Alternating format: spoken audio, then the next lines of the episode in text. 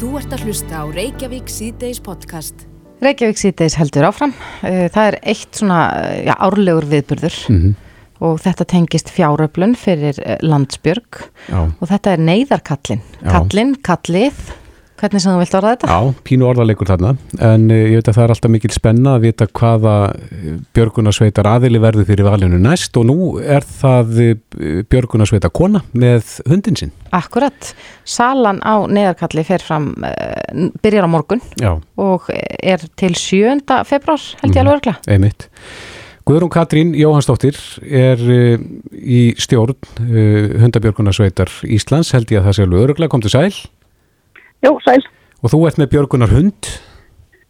Já, ég er með útkallsund í, í Víðavangsleit og Snjóflöðuleit. Já, er þetta fyrsti uh, björgunar eða neyðarkallin með hund sem að kemur fram? Nei, það kom, það var fyrir nokkrum ári, ég man nú ekki hvaða ára það var, en það, við höfum verið með hundamann áður. Já, Hversu mikilvægt er þetta fyrir uh, já, landsbjörgu að, að, að, að salan gangi vel? Er þetta ekki mjög stór leður í fjáröflun ykkar? Neyðarkallin er orðin einu af stærstu fjárblunum okkar og er, er gríðalega mikilvæg fyrir allar einingarnar okkar kringu landið. Mm En segðu okkur aðeins að því að uh, hundabjörgunarsveitin er svona í forkurinu núna, hvað, hvað skiptir hún miklu máli? Sko, við erum, við æfum bæði Víðavangsleit og Snjóflöðuleit og sérstaklega í Snjóflöðuleitinni eru hundarnir alveg gríðalega mikilvægir. Vegna þess að ef að snjóflöð fellur í byggð, eins og hefur nú gerst, þá er hundur, leitarhundur næstum því eina, eini möguleikin sem fólk á til að finnast á lífi. Því að Já. það er í rauninni ekki hægt að leita eins og hefðbutu snjóflóði. Það er svo mikið að braki í snjónum að það er ekki hægt að leita með stöngum eins og, eins og við gerum í hefðbutu snjóflóði. Hversu nákvæmur er hundurinn? Þau eru mjög nákvæm. Það er svo sem í snjóflóðinu er það nú bara þannig að lyktin fer auðveldustu leið eins og vatnið þannig að þau geta fundið sterkustu lyktina ekki beint fyrir róma viðkomandi en við erum það fljóta að finna með stöngum því að þau, þau benda okkur mjög hratt á eins nálagt viðkomandi og mögulegt er. Já, já. Hvernig eru svona hundar þjálfari? Er þetta gert hér á landi? Já, við, við byrjum, þú, við getum í rauninni byrjað með hunda svo unga sem nýju, tíu vikna því að æfingarnar eru svo einstaklingsmiðaðar og það eru miðaðar bara hverjum hundi og, og hverju dagsformi fyrir sig. Mm Þannig að, og allt er þetta leikur alveg fram á, fram á síðastu dag hundsins er þetta alltaf leikur. Og hann elskar ekkert meira? hann elskar ekkert meira, hann gerir allt fyrir boltan eða, eða namið. Já, akkur. Get allir hundar orðið svona leitarhundar? og nei. En allir hundar geta leitað. Mm það, það, og allir hundar geta fundið en við þurfum svolítið, svolítið sérstakar típur í sko, því að það, það er bara svo erfitt bæði líkamlega andlega að leita lengi -hmm.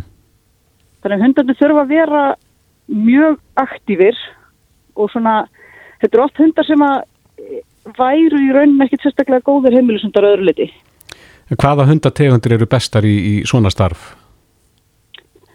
sko algengast er að nota fjárhunda og, og veiðihunda eins og, eins og labrador við erum með við erum með mest af labrador og, og Já, og svo eru þýskur, þýskur sjeffer, þýskur fjárhundur er líka, líka vinsall líta mm En er munur á hundum sem sagt hvort er séu góðir að leita í snjóflóði eða, eða rekja spór? Já, það getur verið, það getur verið munur, sko. Sporrakningin er gríðarlega vanda sem þjálfun. Það þarf að huga að mjög mörgu til þess að spora, til þess að hver æfing sé sett rétt upp. En uh, sko það er, það er rauninni, það er mörgulegt auðveldar að, að þjálfa víðavangsleitina og sporaleitina. Og í víðavangsleit þá leitar hundurinn bara að einhverjum í svæðinu. Akkurat, en, en þú, eins og þú sagðir á þann, þá ert þú með eh, svona hund á, á, á þínum snærum. Er, er þetta heimilishundur líka á sama tíma? Eða er, er hann eh, einungis já, hjá þeir í þessum tilgangi, ef, ef það má orða það þannig? Nei, þetta eru bara, þetta eru bara heimilisundandur okkar. Bara á milli þess sem þau eru í vinnunni er þetta bara gælindýrin okkar. Mm Og ekkert þetta að spilla þeim? Jú, jú, þetta er svona, mín er nú komin á, á efri ár og ég þarf að fara, fara að fá nýjan kvöld til að taka við af henni og hún er nú orðin, orðin óskup mikil prinsessa sko, maður Já. lætur svolítið eftir henni. Fer hann á eftirlaun? hún gerir það, ég vona að verði ekki strax því að hún, hún getur enn unnið mjög vel en uh, það, jú það kemur að því að hún fyrir á eftirlaun og, og vonandi verði ég að það búin að sjálf upp nýjan kvolp fyrir staði fyrir hana Já, hva, hvað gera svona hundar þegar þeir ljúka starfsæfinni? Þau verða bara degur og gæli dýr í flestum tilvikum. Þetta er náttúrulega hundandir okkar sem eru búin að fylgja okkur oft í 10-12 ár áður en, að, áður en þau fara á eftirlaun og það er óbúslega sterk tenging hjá, hjá vinnuhundi og eiganda mm -hmm. því að við þekkjum hvort annað gríðarlega vel Já, búin að gangi gegnum allt og leita saman og þannig að þetta eru svolítið upp á það fundar. taka það bara við feluleikir heima? Já, já, oft fá nú þessir, þessir hundar sem eru konur eftirlaun fá að koma á æfingar og aðeins að svona dífa tonni í, í leitina þó þau- séu hægt að fara í útkvöld sko. Fram, fram á síðasta dag er þetta það skemmtilegasta sem þau gera sko. Akkurat. En Guðrún, á morgun hefst salan á, uh, á þessari konu með hundin sinn. Já, Um, hvar getur maður nálgast neðarkallið? það er hægt að nálgast neðakallin sko, um allt land. Allar einingar landsbyrgar sem að telja nú næstu í hundrað selja, selja neðakallin og uh, á höfbrukarsvæðinu er þetta eiginlega í flestar búðir og uh, svo er þetta bara á bensinstöðum og sumir, sumar sveitirnar gangi hús á fámennari svæðum þá er nú auðvelt að, að á milli. Einmitt. Við hérna hvetjum fólk til þess að taka vel á móti ykkur og neðarkallinum. Já, það hefur aldrei staðið á almenningi að taka vel á mótökur. Við, við erum gríðarlega þakklátt fyrir mótökurna sem við fáum og þetta skiptir okkur svo miklu máli, þessi, þessi litli kall, að við bara, ég efast ekki um að fólk tekur vel á mótökur núna eins og, eins og venjulega. Einmitt. Guðrún Katrín Jóhansdóttir, Björgunar hundarsveitakona, kæra þakki fyrir þetta. Takk fyrir að ringja. Þú ert að hlusta á Reykjavík C-Days podcast.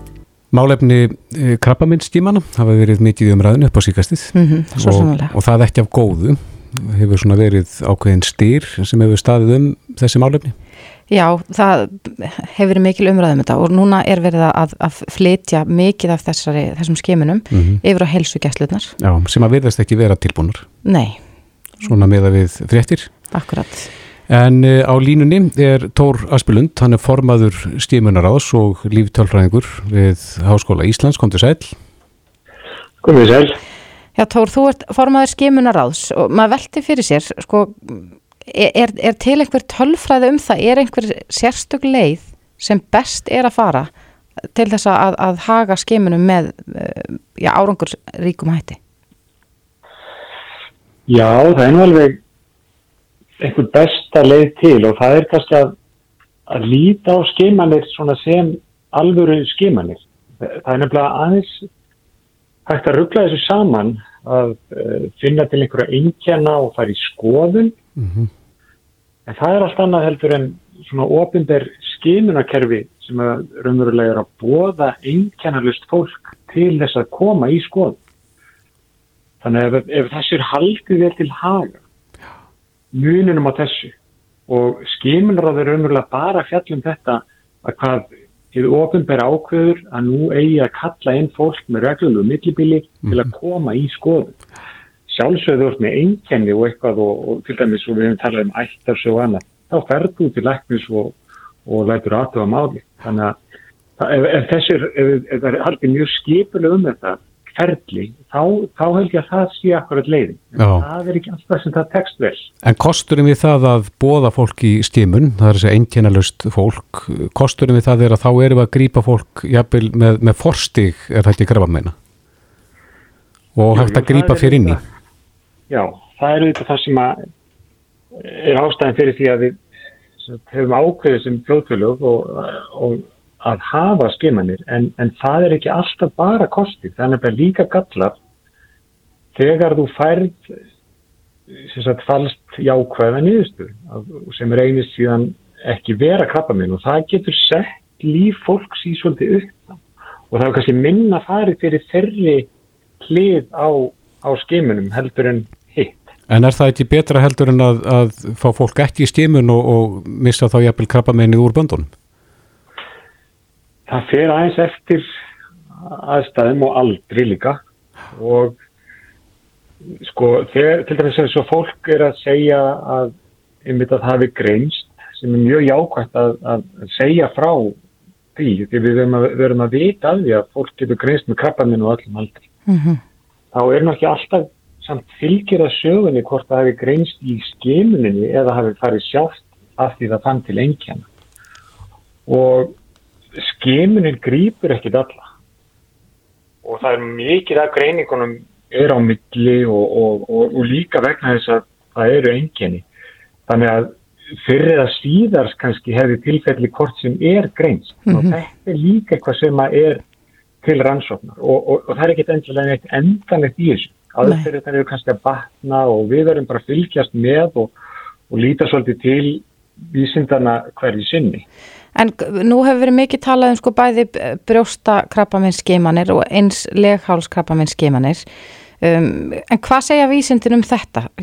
Hvenar er best að, að, að byrja skimun fyrir þessu? Já, sko, ég, ég held reyndar við, það eru eiginlega bara allir svona nokkuð sáttir með leghálsskimanirnar og það eru þetta þróast í, líka nýri tegundir af greiningum og svoleiðis. Þannig að það er kannski ekki mikið verið að deila þar um en, en meira um brjóstakrafna mína skimanirnar. Mm Og En- það er til dæmis Evrópusambandið sem að mælir ekki með því að byrja fyrir sko við 50 þeir mæli ekki með því að byrja fyrir 50 en þeir hafa sem tillögu þeir orðaða þannig, suggest þannig að þú, það, það málu taka þinn í myndin að byrja 45 En nú erum við að heyra reynslusögur hvenna sem að fara upp úr fertu og, og er að greinast Já, og, og fá þá væri meðferð mjög mun fyrr heldur en ella.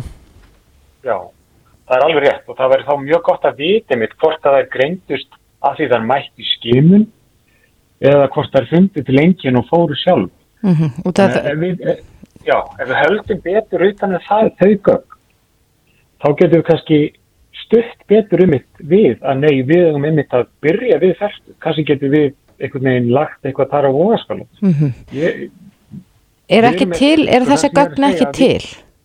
mér finnst þau ekki nóg aðgengilega hérna og, og, og hafa ekki komið nóg vel fram og ekki verið lögð skýrt fram fyrir okkur. Þetta með hvenar er greiningin akkurat í tengsli með skimanir eða ekki sko. Er það þá krabbameinsfélagi sem hefur séð um þessar stímanir hinga til sem hefði átt að halda utanum uh, þessar upplýsingar?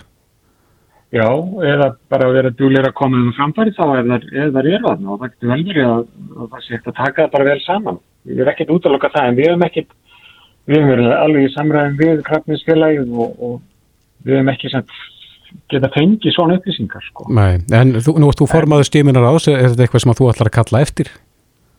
Já, við munum auðvitað kalla eftir því og, og ég mun nú bara kannski segja að til dæmis, ég ber nú mikla, mikla vonir við sko heilsugjastluna í svona þessu átæki að, að skrá betur gögnum. Man tekur bara eftir því hvað er að gert mikið grettistak í öllu kringum COVID, Mm En- heilsuvera og allt þetta og, og ég held að þetta sé allt í rétta átt og, og, og þetta getur unnið saman sko landsbytali, heilsugjastla og landlæknir Akkurat. En Tór, er já. helsugæslan tilbúin uh, að taka við þessu verkefni? Er, er undirbúningurinn nægilega mikill og er, er þetta komin á langt af veg?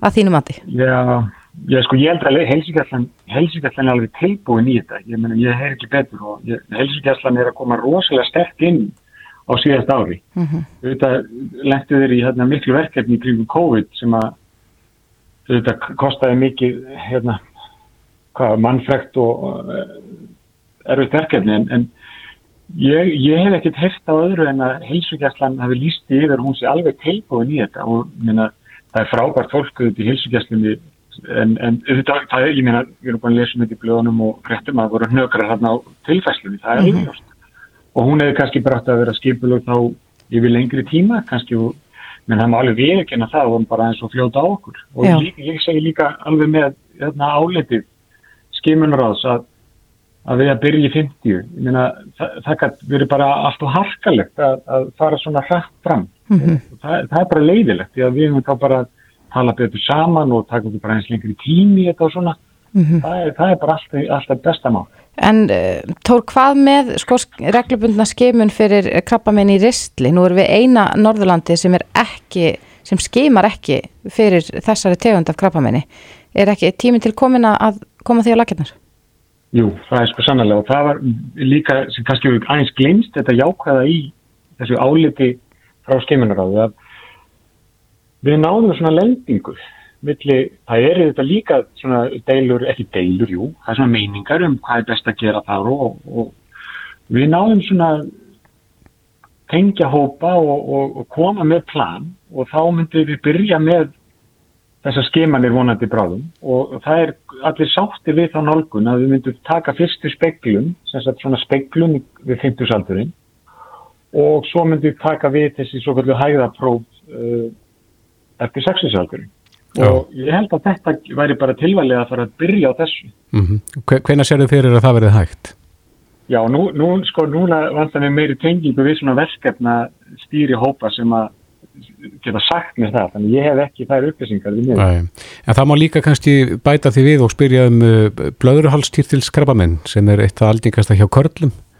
Já, þar, þar er, þegar maður fyrir að skoða það krabamenn, þá sér maður fljótt að þar eru bara allir sammálum að það borgar sér ekki með nútíma tækni að vera skema reglulega það. Það er of mikið af fölskum jákvæðum niðurstöðum sem að leiða til þess að það er lífs bara, það er skerning á lífsgæðin fyrir Karla að, að, að, fá greininguna já, já og, og, og, og sér þá þá er kannski farið í meðferð eh, sem er ekki afturkræf og svo leiðist þannig að það er, það er bara allir sammála svona þessi, þessi, þessi krabbamins eh, rannsóknarstofnumir að gera það ekki Já En það getur breyst, það getur breyst sko. Já, einmitt. En úr því að vera með því á línunni Tór, þú ert náttúrulega á kafi í spálíkanni fyrir COVID. Hvernig, hvernig lítur það út núna og svona uh, nánasta framtíð? Já, við, við reyndar, við hefum tekið okkur svona, við hefum svona verið að stilla saman strengi og svona uh, horfa á þetta svona upp og nýtt og, og við hefum ekki verið að gefa út í sjálfu sér uh, ný, nýja spára því að eins og við sjáum alltaf þá er þetta bara svona einhverjum takti sem að ætti að geta bara gengið svona áfram mm -hmm. við erum með þessar varnir á landamærunum ég hef sjálfur verið að tala fyrir núna að gríminótkurinn geti verið að hjálpa okkur áfram. Mm -hmm. Myndir þú vilja að, að það verði ennþá grímu skilda jafnvel þrátt fyrir að, að smittin séu náttúrulega engin í samfélaginu? Já, ég myndi, ég myndi segja sko tökum frekar sensin á að að aflétta öðru sem okkur finnst íþingja okkur. Mm -hmm. en það er kannski minna mál fyrir okkur að vera með þessar grímur. Þannig að það venst og samkvæmt bara fræðunum og, og svona reynstinu sem er að skila sér þá virðist það eins og það sé hjálpa alveg ótrúlega mikið til að, að halda smittstöluunum niður í mm -hmm. er, er, er það því síðast sko. Já, en Tór, nú vorum við svona frekar sein á þennan grímuvagn, ef við orðaða þannig. Við vorum Já. ekki með þeim fyrstu til að taka upp grímuskildu. Heldur að þetta hefði skipt máli í fyrstu bylgjunu ef við hefðum verið skildu til að vera með grímur þá? Kanski ekki í fyrstu bylgjunu. Ég held að við hefum tekið svo, við tókum raunverulega vel á þessu í fyrstu bylgjunu. Við vorum með sam, sko, samkomi takmarkaðin að virka mjög vel. Mm -hmm. og við vorum með, hérna, og líka núna í tíumanna samkomi takmarkaðin í, í november henni var létt og en þá voru grínurnar til staðar. Þannig að þá kannski kom ekki þetta bakslag sem að maður kannski alveg satt í von á. Skólatin hafa líka farið að stað það er samt ekki komið bakslag. Það er eitthvað í því sem að segja manni að það er eitthvað sem að vefur hérna að funda á móti. Mm -hmm. þetta er fólk bara að taka líka þá maður sér það bara sjálfur þegar maður fer út. Það er allir með grínur um, ég finnst ekki vera eitthvað ábyrjandi eitthvað ykkurar hópa myndanir eða svo leiðis en kannski getum við mér að segja slakað eitthvað á því. Við sjáum hvernig það líður fram. Við þráspurðum uh, sóttatariföldum grímundar hérna í upphæfi færaldusins en, en á meðan allir aðri voru að taka upp grímur og þjóðarleitt og annar lítja voru að benda á mikilvægi grímana þá, þá steltum við skollægirum hér. Já, en við vorum eitthvað annað í staði og, og þess vegna er nefnilega svo gott að muna að það er kannski ekki gott að sleppa öll í einu. Þannig að kannski viljum við núna frekar ringa til með, ég er nú bara að segja út í lotti, ég er ræðingu, ég er bara að segja ringa til með samkomutakmarkanir eða annan sem er að ífengja okkur en, en halda grímunum og þannig getur þær virkað á móti núna. Já, og það er ekki reyndist mikið á það í fyrstu bylginu. Já. Við vorum með meiri takmarkanir sko. Einmitt. Flegin sviðum, já. Og þangað til að hjarð ónæmi er komið hér? Já, þetta verður líka bara, við verðum vönis eða við fyrir til útlanda og þurfum hvað sem að vera með grímur. Mm -hmm. Þetta er í menningu marga þjóða. Þetta, þetta verður staðalbúnaður? Ég ætla að fara að segja að þetta verður nýja normið. í ferðartöskuna, einmitt Tóra Aspelund, formaður stíminarás og uh, líftölfræðingur við Háskóla Íslands kæra þakki fyrir þetta Takk fyrir Hlustaðu hvena sem er á Reykjavík C-Days podcast Þeir eru margir sem hafa séð kvikmyndina hérna Dilemma, Social mm -hmm. Dilemma Já. sem að varpar skuggalugu ljósi á uh, hvernig neti virkar og samfélagsmiðlarnir Já, ég held að maður er alltaf að verða meira og meira vakandi fyrir því að, að, að þetta er kannski ekki endilega eins saklist og það sínist. Nei, akkurat og við hefum séð bara eins og stöðuna í bandarækjunum þar sem mm -hmm. að mú ræðist inn í þinghúsið og þessir eru rauninni stjórna svona með upplýsingum og flæði á netinu. Mm -hmm. En eh, Þórlaug Ágústóttir stjórnmálafræðingur og net sérfræðingur, hún eh, skrifaði mastersritjarinn í töm þessi mál, mm -hmm. falsfrettir og annað slíkt og Þorlug er á línu, kom til sæl Sæl Já, hvernig, hvernig metur þú stöðuna í dag svona með tilliti til falsfretta? Hvar, hvar eru við stödd? Ég myndi segja að við varum alveg komin hérna upp í 7-8 á viðbúnaða stíðinu sko. Já. Uh, Því að þetta er náttúrulega þannig sko, þetta snýst ekki endilega um það að samfæra fjöldan, þetta snýst um það að æra óstöðuða mm -hmm og hérna sem sagt í lokaverkefninu mínu þá skoðaði ég net árási rúsa á vestræn líðræðisviti í gegnum neti bæðið hakk og svo hvernig upplýsingum var letið til dæmis í gegnum Wikileaks og fleira mm -hmm. það sem að Roger Stone lofar Assange náðum og það er tímasetja lekan sem að verður þátt í þess að hérna komi yfirmæður FBI setja á stað rannsókn bara í vikunni fyrir kostningar sem má ég að segja að hafa orðið til þess að Hillary hafi tapat kostningunum. Akkurat. Þannig að þetta eru hluti sem skipta verulega máli og nú er hún alltaf að horfa á hérna, alvarlegt dæmi innanland mm -hmm. sem að kannski hristir aðeins vel upp í okkur öllum um það að staldra við og skoða hvað við erum að lesa og kannski minn aðal punktur í þessu er það að ef að fólk lesa eitthvað sem að vekur sterkar tilfunningar, mikla nextlun eða mikla samúð eða hvað svo sem er að staldra það við og segja, herðu, er þetta nú allt rétt? Akkurat. Og þá skiptir líka máli sko erlendist, þá þú farið og, og skoða við eins og, og hérna svona factcheck snopes og fullfact.org og factcheck.org en við hérna á Íslandi, við höfum ekki svona batteri. Nei, en, en snýst þetta bara um að geta sko metið hvaðan upplýsingarnir er að koma sem þú ætti að meðtaka?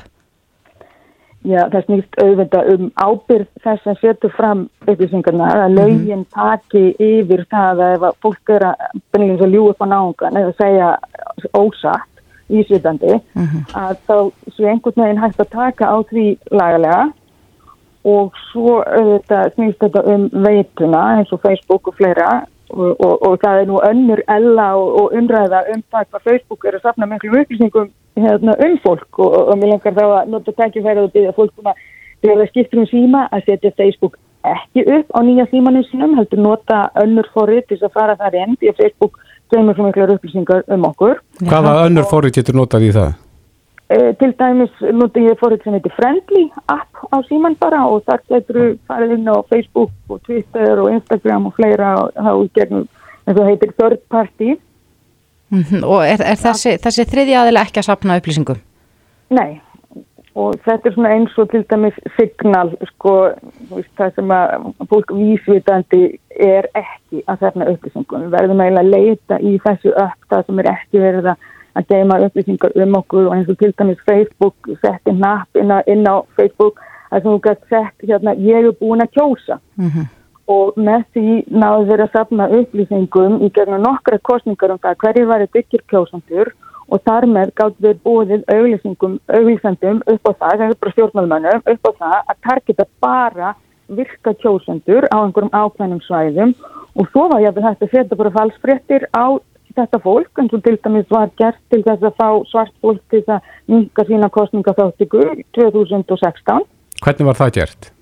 Uh, til dæmis með því að móka út fréttum en það að Hillary væri á, og demokrata væri á móti svörstu fólki uh, með því að hérna, gera kostningarnar eins erfiðar setur til dæmis inn rángar upplýsingar um kjörstaði uh, rángar upplýsingar um skráningar þannig að fresturinn væri, væri sagður lengri eða stittri heldur en að nátt að vera og fleira mm -hmm.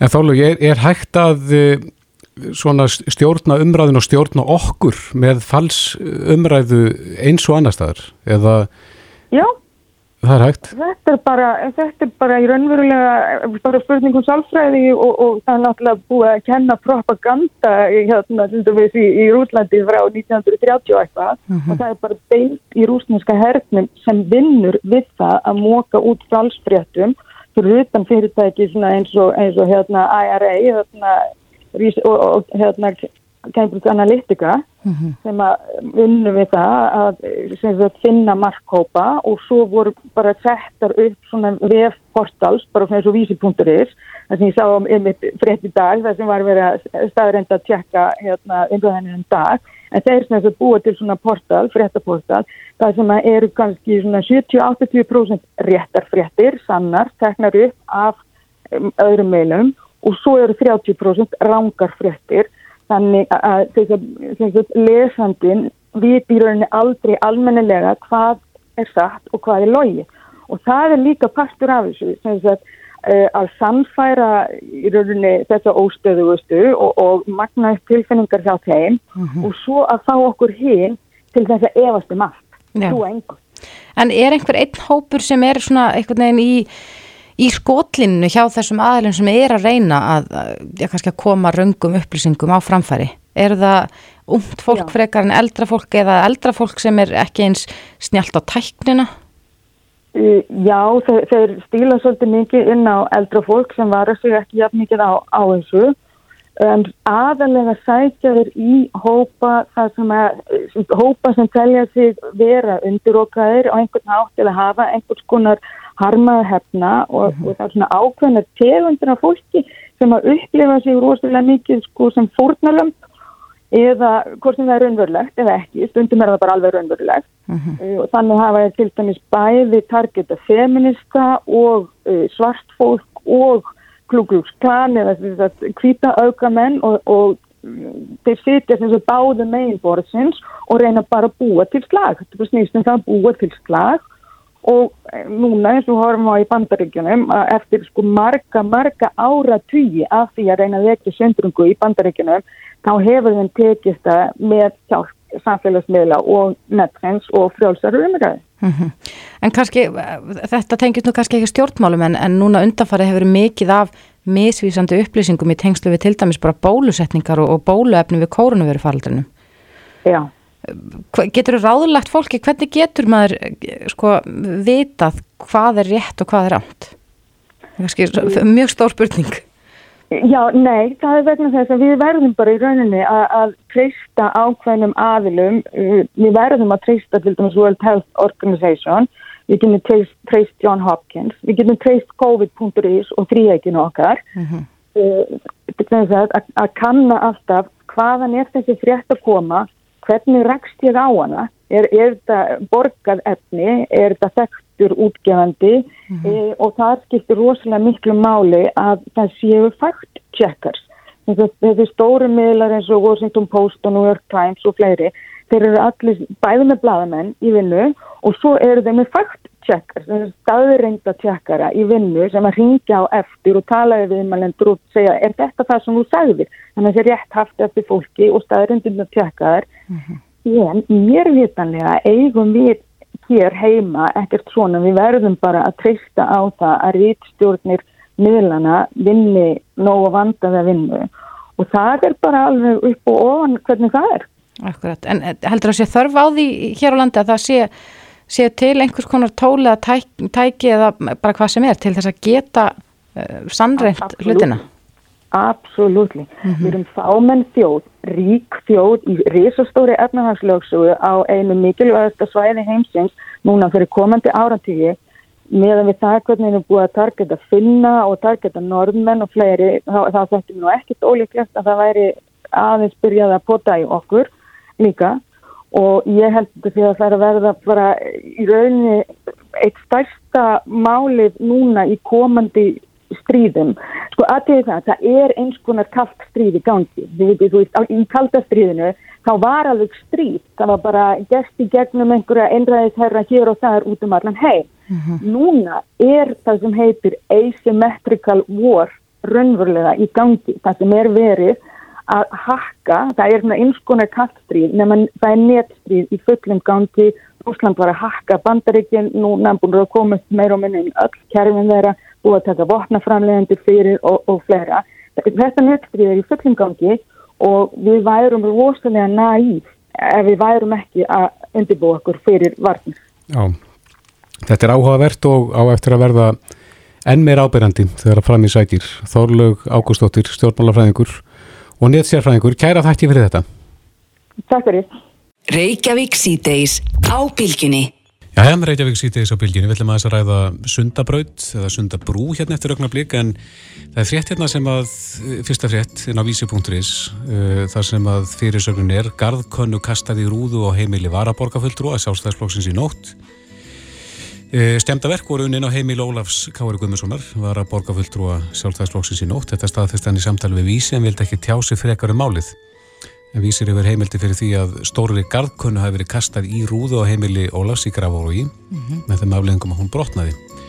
Nú laurugla var kollu til og hann tók hún mann í tengslu við málið en það er freistandi, segir hér í fréttin að draga þá álöktun að stemdaverkin tengist umræðum önnurspellvirkja á skrifstofum stjórnmálaflokka og skotar á svo byggðið borgarstjóra. Já, En hins vegar voru spjöllunin eh, á að mista okkur til þremur öðrum heimilum í sömu götu. Þannig að já, þannig að mögulega hefur þetta bara verið einhver skemmt að vargur á. Já, ferð.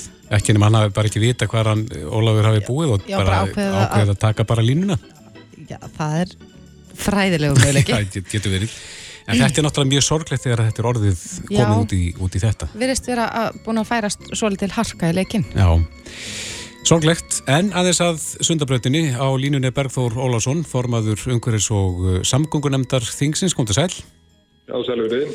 Já, nú er sundabraut eða sundabrú komin á dasgrá enn og ný Já, þetta er nú bara mjög ánægilegt að, að málið sé svona komið upp á yfirborðið og, einhvern er ekspöl. Þetta er búið að vera náttúrulega laung þraut að ganga. Ég hef nú stundu gert grína því að þegar ég var í starfi aðstofum að samgöngur á þeirra í lok ást 2006 þá var þetta verkefni svona um það bila að komast á stað eins og menn horfðu til þess þá en, en við, hér eru við ennþá en, en þetta er vissulega, vissulega jákvægt að, að það sé svona nafst þó á þennan rekspöl og, og, og þarna þetta liggur fyrir þessi afstafa þessa sérfræðingahóps að brúin, hábrúin sé, sé haganlegri leið heldur en göngin. En kannski það sem skiptir mestu máli í mínum huga er í rauninni að, kom, ná að, að við náum að taka þá prinsip ást, á, ákvörðun að koma verkinu á stað. Því að það eru þetta gríðarlega mikilvægt ekki bara fyrir borgarbúa heldur alla uh, öll nágranna sveitafjölu og svæði sko. þetta mun auðvitað hafa áhrif langt vesturum og norður í land þegar, þegar allt er tekið til. Að, og, og, og svona mikilvægt í þessu samhengi að horfa saman á þessa þætti. Annars vegar þverum Klepps, Kleppsvíkur uh, Kleppsvíkarsi annars vegar og, hérna, og hins vegar sko hlutan frá Guðunesi og upp, í, upp á Kjallanes og, og þá, þá verði komið þarna sko verkefni sem að, sem að hefur mjög mikla og góða arðsemi og mikil áhrif á umferðarflæði og umferðaröryggi og, og mun borgas upp á á uh, raunverulega ég tel miklu skemmri tíma heldur en til dæmis kvalfjörðagöngin gerðu, gerðu uh, á sín tíma svo góða framkvæmt og, og svona í bónus þá þetta kemur bara miklu aðgengilegra byggingarland uh, fyrir borgina en borgin uh, býr við í dag og þarf fram til gotum þannig að þetta er bara svo margþætt jákvæðu áhrifun sem, að, sem við sjáum raungerast komist framkvæmdin uh, á, á koppinu. Akkurat, en, en eigum við að vera vongóð um það að, að, að þessi framkvæmt muni fara af stað, að, að verkið hefjist og, og ég held að hann Sigur Ingi Jóhansson samgöngur á þeirra við talaðum í dag að þetta ætti að vera tilbúið árið 2029 eða 30 Sko, bara í ljósi sögunar þá er nú, þá er nú best að hafa vendingarstjórnununa í huga.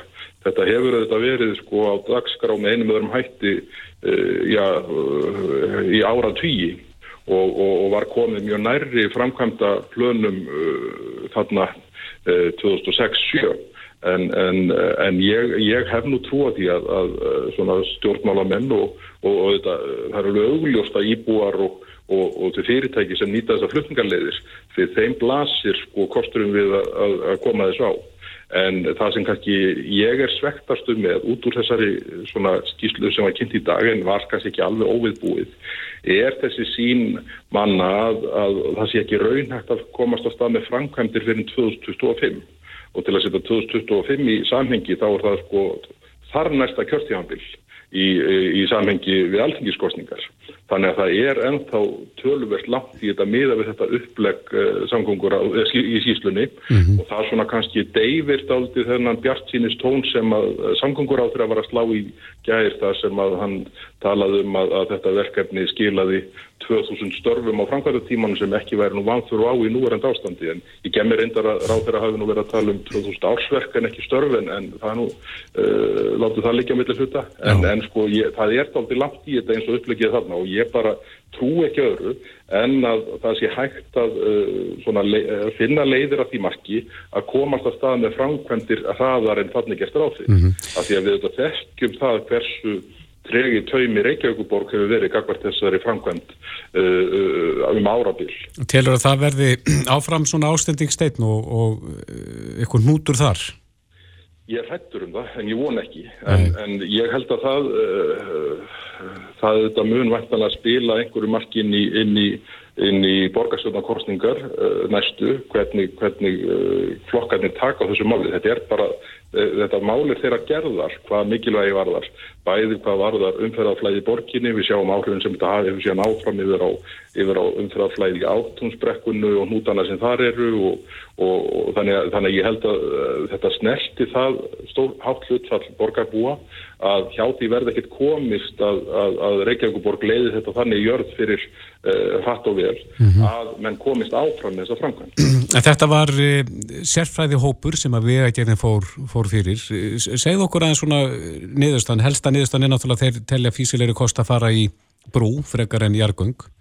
Já, já, þegar þarna telja þeir að mun einhverjum 14 miljardum sem, sem fer nú hérna uh, þannig að það séu þarna 69 miljardar heilta framkvæmda kostnaður við það að fara brúarleðina en 83 miljardar verði farið, farið uh, þeirra með göngum. En það er svolítið háa brúið þætti að því að þarna er náttúrulega skipaðumverð.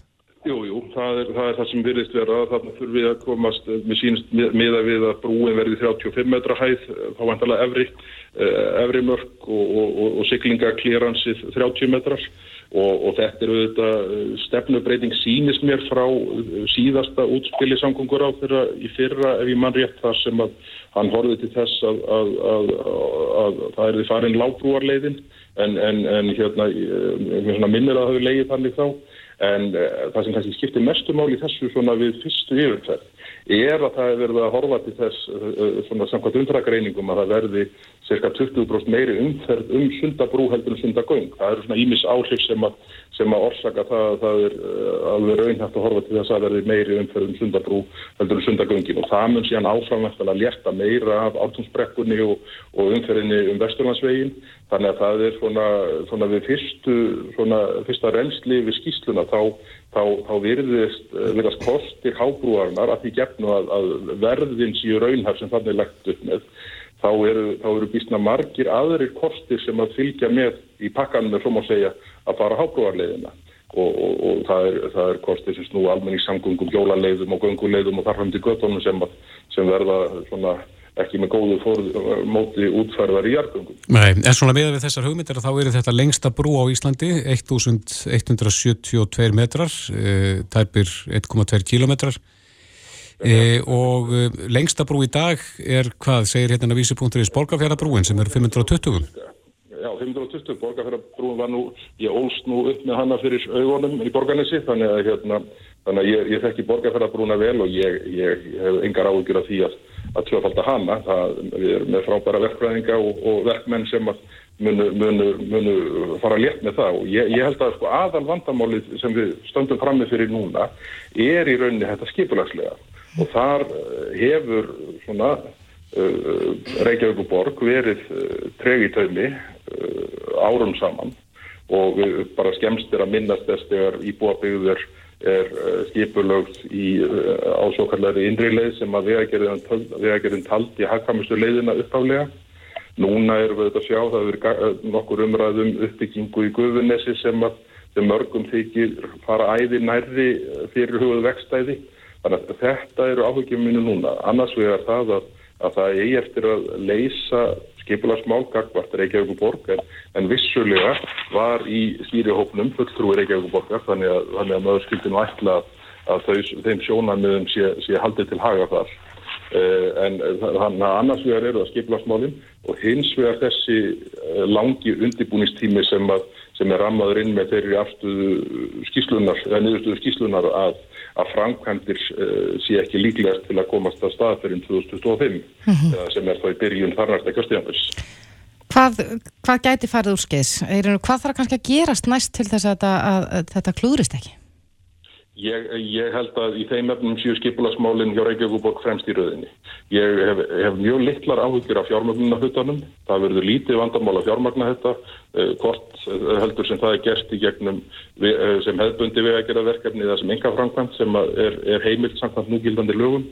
Þannig að, þannig að, að fjármögnunni hef ég í rauninni sára litlar og, og alltaf í engar áhugjur. Hönnunin, verkhönnunin verður, verður ekki afgerandi uh, vandamál bara þetta, þetta endar alltaf á sama punkti að það þarf að leysa skipulasmálinn og, og þetta mál er bara svo mikilvægt og, og stórt á margra hluta vegna að nú verður Reykjavíkuborgast að hérna svona láta af þeirri anstuðu sem verið hefur við uh, lagningu sundabrautar uh, kjörtíðanbyrjum saman. Já. Bergþór Ólásson, uh, formaður uh, samgöngunemdar, umhverjus og samgöngunemdar þingsins kæra þakki fyrir þetta og þess má geta að Sigur Ingi uh, ráð þeirra verður einmitt í bítinu í fyrramáli, en kæra þakkir. Já, bara sjálfsagt og takk fyrir spjallið. Bless, bless. Þetta er Reykjavík C-Days podcast. Reykjavík C-Days heldur áfram. Við höfum núna, já, í þessum kórnum veru faraldri, tala svolítið mikið um að Íslandingar eru mikið að reyfa sér úti. Já og við vorum bara kvött til þess að fara á fjölla meðan að rektin lokaði og ég held að hafi svo sannarlega margið tekið við sér það. Já, við heldum í Jónasi Guðmusinni hjá eh, Landsbyrgu um daginn, mm -hmm. það sem hann nefnitt staðafesti það, að það væru miklu, miklu fleiri á fjöllum í fjallgöngu og að nota náttúruna. Akkurat, en það er, ég rakst á Facebook áhugaverða umræðu um vetrar útilegur. Já. Ég, einhvern veginn gerði mig bara varðla grein fyrir því að fólk væri yfir höfuð að gista í tjaldi, mm -hmm. e, svona yfir háveturinn. Já, þetta er ekki að fyrsta sem hann er eftir í hug þegar maður hugsa um hérna að fara í fjallgöngur eða ferðast úti að, að gista líka. Nei, akkurat. Ég, maður veit að, að þetta er það sem maður gerir á sömrin mm -hmm. en hvernig ætlum maður þurfa að vera útbúin til þess að sofa í tjaldi kannski 15 stöða frosti? Eh, við ætlum að fá svör við því. á línunni er Rannveig Anna Guðmundsdóttir, hún mikil útvöðstakona. Komdu sæl.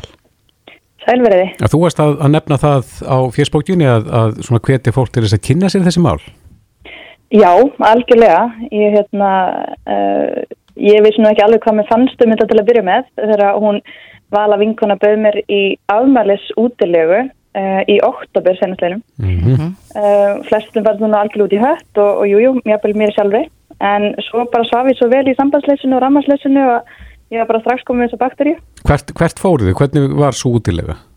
Við fórum bara ekki lengra enn í kvalfjörðin. Þannig við kerðum hérna bara undir klukkutíma og komin úr símasambandi mm -hmm. og það settum við upp uh, lítið kamp allt í hennu var ég komið með hérna, fimm aðeinslegar uh, velpur í kringum mig sem hefur áhugað sér sama og við hefum sagt, og þetta eru stelpur sem hafa sett það markmið að, að gista einu sinni mánuði í tjaldi og, og þær hafa að ná því að senstlega ári og ég er búin að koma mér inn í þann hóp ætlum svo sannlega að halda því áfram. Mm. Þú rekur ekki niður tjaldtæla öðlega, er þetta sérstök tjöld sem eru nótuð í svona? Það er, uh, sko, það er góð spurning. Þetta er auðvitað er hægt að fara alveg hamfyrum í að kaupa dýrist og bestu græðnar í þessu. En til dæmis bara núna um helgina þá voru við til dæla ódýru fjölskyttu tjaldi, uh, vinkona minnar. Uh, hún þetta er reyndar ágætis hælum sem er þetta stinga og nýst snjó. Mm -hmm. Svo er þetta nýta alls konar. Við notum sperðarskíðun okkar og tjald, hérna, nei, skíðastafi og, og alls konar ísaksir að, en svo fer eftir náttúrulega bara hvað undirlæðið er, kostur setja tjald í snjó eða, eða öðru. Mm -hmm. En hvað er það svona helsta sem maður þarf að eiga? Ég, ég gæti til dæmis ekki bara að setja á henni tösku og farið inn í kvalfjörðu ákveða að sofa þar. Ég er þið líklegast úti. Já, það er emmitt, nákvæmlega. Maður þarf aðeins að hugsa sig um og það er með heldur stað og fyrst er náttúrulega bara aðtöða veðrið og, og, og það er náttúrulega fyrsta skrefið. Um, en það er hægt að komast langt bara á á þessa uh, hérna, Já, á þess að tæma allt úr, úr veskinu. Mm -hmm. um, eins og ég segi er þetta bara nýta sér uh, tjöld ef að veðrið er ekki, ef er ekki svo slæmt, eða ekki mikið vindur. Um, eins og ég taldi upp hérna þá er náttúrulega nöðsöld að góðan póka. Mm -hmm. um, en sko mér hefur bent á það að ef maður á ekki einhvern svakalega dýran og, og þykkan vetrapóka þá er þetta að nota til dæmis tvo sumapóka Ég var til dæmis með auka svona lænir inn í bókan sem eru svona auka bóki sem veitir einangrunn og til að venda bókan frá, frá svita og annars líkt. Mm -hmm. En það sem er kannski gott að muna er að einagrunda dýna eða dýnan, eh, tjaldínan er bara eitt af því mikilvægasta. Akkurat. Þannig að ákveðkvöldin kemur náttúrulega neðan og, og hérna úr jörðinni. Þannig að, og jafnvel ef að, að plás leifir að vera þá með auka teppi eða eða einhverja gærur eitthvað svolítið. Hefur ekki, fundið, já, hefur ekki fundið fyrir kulda í þessum útilegum þínum? Jú, ég, það er aldrei, jú, jú, jú. Og hérna það sem að mér, uh, ég er til dæmis klikkað á, því senstu helgi var að, að var að segja mikið nógu vel áður en ég fór ornur í pókan. Og, og það er bara grundu allar regla í þessu allir saman, er fara hlýr ofin í söppókan. Mm -hmm. Og þegar maður hittnar, hann, hann hittnar ekki svo auðvöldlega, eða maður er komin ofin í hann kaldur.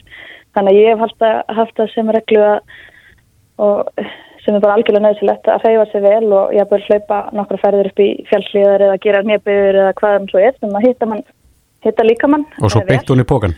Og bún í pókan og, hérna, og ég hef líka, ef það er mjög kallt eins og um helgina þá fór jafnvel niður í hvað 7-8 þegar frost eða jafnvel meira tímabili og þá er ég með smá, hérna, hef ég kynst í leini, leini ráði að ef maður hefur tök á að sjóða vatn og setja í goða brúsa sem halda því mm -hmm. og stingun í pókan og þá er ég með eitt til fóta og eitt svona sem ég færi með frá líkamannum eftir, eftir þörfu. Akkurat, en þú talar um að þeir varu svona hópur af konum sem að, að fari saman. Er, er það að sofa í sama rýmunu? Þú veist, er, er það að nýta líkamshittan til að það hita upp rýmið? Hver af annari? Já.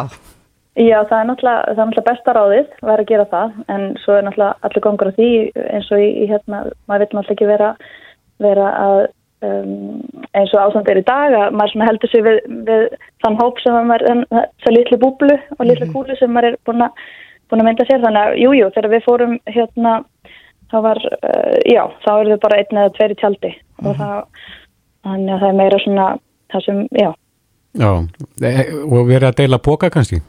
Nei, við hefum ekki gert það. Nei. Við hefum ekki prófað það. Nei, ekki en þá. Það kemur kannski að því. En eh, Rannveig, hvernig er tilfinningin samt að, að sofa í svona miklum kulda? Veist, ég er manneskja sem sef alltaf með lo, lokaðan glukkanin í herberginu mínu. Já, ég veit ekki. Ég, þetta henda mér ágætlega. Um, en eins og ég segi, þá er einhver, þá er þetta bara, ef maður hittar svona vel, ef maður bara heitur í líkamann og fyrir orni, þá, þá er þetta alveg ótrúlegt hvað, hvað maður getur haldið á sig hitta allir nóttina. Og og ef maður er bara í góðum hann alltaf til alls konar ógrinni að söpboka í, í bóði á markanum þannig að bara í hvert fólk til að, til að lesa sér til um það og fá ráðleggingar og, og skoða þægindamerkina á bókunum og hérna já, ótrúlegt hvað maður getur eh, hvað þetta er bara endislegt að hérna líka hérna í, í róleitunum og vera bara einn með náttúrunni. Mm -hmm tjaldið, undirlægið og sveppbókin, þetta eru leikilatrið. Og halda að vera heitur þegar maður fer á hann í pókan? Það er það sem að, það er það sem mér finnst mikilvægt, já. já. En svo, einmitt, eins og ef það eru sterkur og konur sem vilja eh, kynna sig meira um þetta, þá auðvitað eru, eru umræðahópur fjallastelpna á Facebook alveg bara fullur af, af eldklárum og, og reyndum konum. Já, ég held ég hef nú sagt það eins og aður að þetta er uppáhalds Facebook-hópur minn, fjallastelpur. Nákvæmlega. Já. Þannig að ég hvet endrið til að, hvet konu endrið til að spyrja spurninga þar það hafa einhverjar, svo til að það er ekki, stendur ekki svörum þar. Akkurat. Rannveig Anna Guðmundsdóttir, útífistar kona, kærar þakki fyrir þetta. Takk fyrir, sem að leiðis. Það er mikil umræða uh, á síkasti verið um uh, ólæsi drengja og, uh, og stöðu þeirra sem að þeir sáðu vera slakari heldur en staða uh, stúlna mm -hmm. í skólakerfinu. Það er gömul sáni að, að drengir er undir höggasækja í íslenska skólakerfinu. Já, og talaðum að þeir get ekki lesið sér til gags. Akkurat.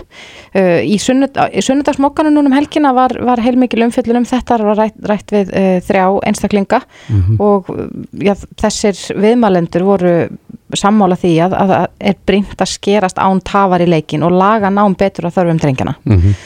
En ég er ekki vissum að þessu allir á sömu skoðun og, og einn þeirra er Þorlokur Axel Jónsson aðjungt við kennaradelt og sálfræðadelt Háskólans og Akureyri og hann er á línunni, kom til sæl. Já, sæl. Tekur þú ekki undir uh, þessi orð að, að staða drengja sé eins slæm og hún er sögðvera í skólakerfunu? Um, nei, ég ger það ekki. Já, já, okkur ekki. Ég, ég held að það sé verið að uh, of tólka kynjamunin mm -hmm. sem kemur vissulega fram á písa rannsóknunum eða písa könnunni eins og aðstöndur vilja kalla það. Það er sem þetta er að hérna, gera ómikið það prófað á fremur sviðum eða það er gerð könnun á fremur sviðum, það er læsi á vísindi, læsi á starfræði og les skilningur og þetta er vöndur og umfóðsmikil könnun þróið af færistu sérfræðingum við í stóru, stóru löndunum mm -hmm. og byggð á hefð og reynslu hjá þeim í að rannsaka mentakerfið mm -hmm. og hugmyndir er svo að þetta er svona konun sem er e, mjög um, mörguð af hugmyndum um mikilvægi skólaþróunar þannig að Þau rannsaka annars vegar mentakerfi landa til að bera þau saman og svo skipta þeir nefndahóknum upp á skóla. Uh -huh. Og þeir vilja vita hvernig gengur einstakar skólum og hvernig gengur mentakerfum. Það er ekki verið að prófa einn og einn nefnda með sem einstakling. Uh -huh. Þetta er mynda 13 nefndur í einu skóla mynda held og takir hún eitt písapróf. Akkurat. Og akkur er þessi eitthvað þetta? Já, það er prófað á þessum þrjum sviðum og það hefur verið gert sexinum hérna á Íslandi. Og á þessum sex skiptum þá hefur útkoman verið mjög áþekks í því sem við verðum síðast 2018 mm -hmm. að það var lítill munur á strákomastelpum varðandi vísindi og starffræði en það var greinilega munur varðandi lesskilning. Og ef við tökum þetta nú saman þá hefur raunin ekki við munur og strákum að stelpum á tveimur sviðum mm -hmm. en það er munur á einu sviði Akkurat, en, en hvað veldur því Þorleikur? Og, og er ekki þörf að grýpa inn í þar eða sérst að aðlaga einhvern veginn skólakerfi til þess að mæta þörfum drengina? Já, það þarf að gera það. Það er allt góður að gælda verðt en það er ekki allt glata þó að einhverju unningar séu að lufsast og hafi lítið náttúrulega skóla 15 ára gammal. Mm -hmm. En, en af hverju verður, af hverju kemur þessi niðurstað þá og, og við erum að tala um fólk sem að þekkir mjög vel til sem að, sem að tekur undir þetta að staða drengja sér mun verri heldur en stúlna. Hva, hvar verður þá sá miskilningu til í þínum huga? Uh, sko það verður auðvitað til að því að við beinum aðteklinni að þessu eina sviði, það er svona er kynjamunur Mm -hmm. og þá hefur mikið áhuga honum kanadimenn sá þetta líka hjá sér og þeir endur tóku bísaransóknuna fyrir 24 ára ungmenni mm -hmm. sem hafðu verið með 15 ára og þá kom ljósa að kynjamönnurinn var ekki lengur til staðar 24 ára mm -hmm. En vilt þú þá eh, þurfa drenginir meiri tíma? Er það niðurstaðan? Já, þeir eiga eftir að stór bæta sig eins og gerðist í Kanada, þeir ná stelpunum ef þeir var í skóla eftir 15 þá náður stúlkunum og ef þeir fara að vinna að þá hverfur bylið ekki en þeim fer mikið fram.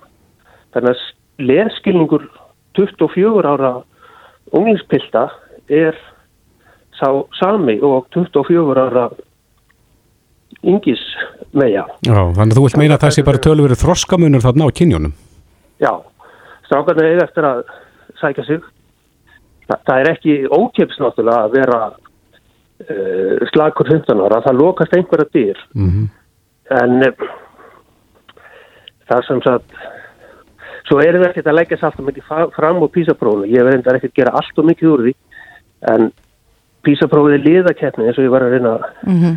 lýsa á þann ef þetta er íþrótt og ef við spyrjum, svo er spurt þarna á þessu rannsók hversu mikið lagður þið fram á þessu prófi og þá er svarið ég lagði mig fram 77% mm -hmm.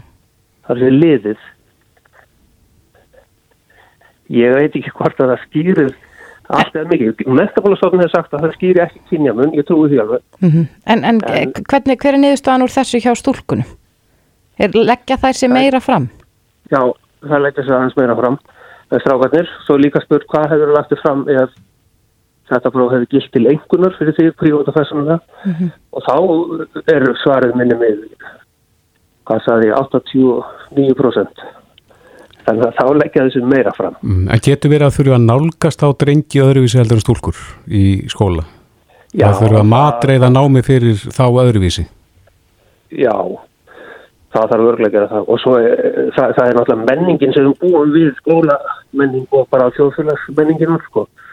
að hún er þannig að það er alveg greinilegt að strákar finna sig ekki í svona bóknámsmiðuðu mm -hmm. og það hefur reynd alveg áratúna samanlega að sjá til þess að starfþjálfun sé að einhverju leiti í skólum en hún er svo mikið á vinnumarkaði hjá okkur mm -hmm. en ekki inn í skólanum Þannig, og þessi strákar sem eru á hennar litla leskinning það getur vel verið að vera hafið leskilning á einhver öðru eins og tölvuleikjum eða einhverju þess að það. En e e eitt af því sem kom fram í, í morgumblæðinum helgina var að það þyrti sko að, að uh, leifa drengjunum að sko rækta það sem þeirra var ástriðið fyrir uh, finna og styrkja áhugas við þeirra tekur undir það að það, það þurfi að, að kannski hafa þetta einstaklingsmiðaðara Já, ég veit ekki hvernig það þetta verður rekta þess að þeir hafa ástriðu fyrir og áhuga það er alveg um að gera það að gera bæði fyrir pista og stúlkur mm -hmm. en einstaklingsmiðun ég veit það nú ekki það er, það er auðvitað góður að gelda verðt sko, að laga námið sem við getum að hverju mælum en, mm -hmm. en ein, já Já en Þorlökur svona til þess að draga þetta saman þá telur þú að, að, að við þurfum ekki að endilega örvænta þó að þetta sé niðurstaðan og að, að mögulega þurfum við drengirnir já, lengri tíma til þess að, að ná þessari færni? Já, það er þannig. Já, Þorlokur Axel Jónsson, aðjungt við kennardelt og sálfræðidelt Háskólans og Akureyri. Kærar þakki fyrir þetta. Reykjavík síðdeis á Bilginni podcast.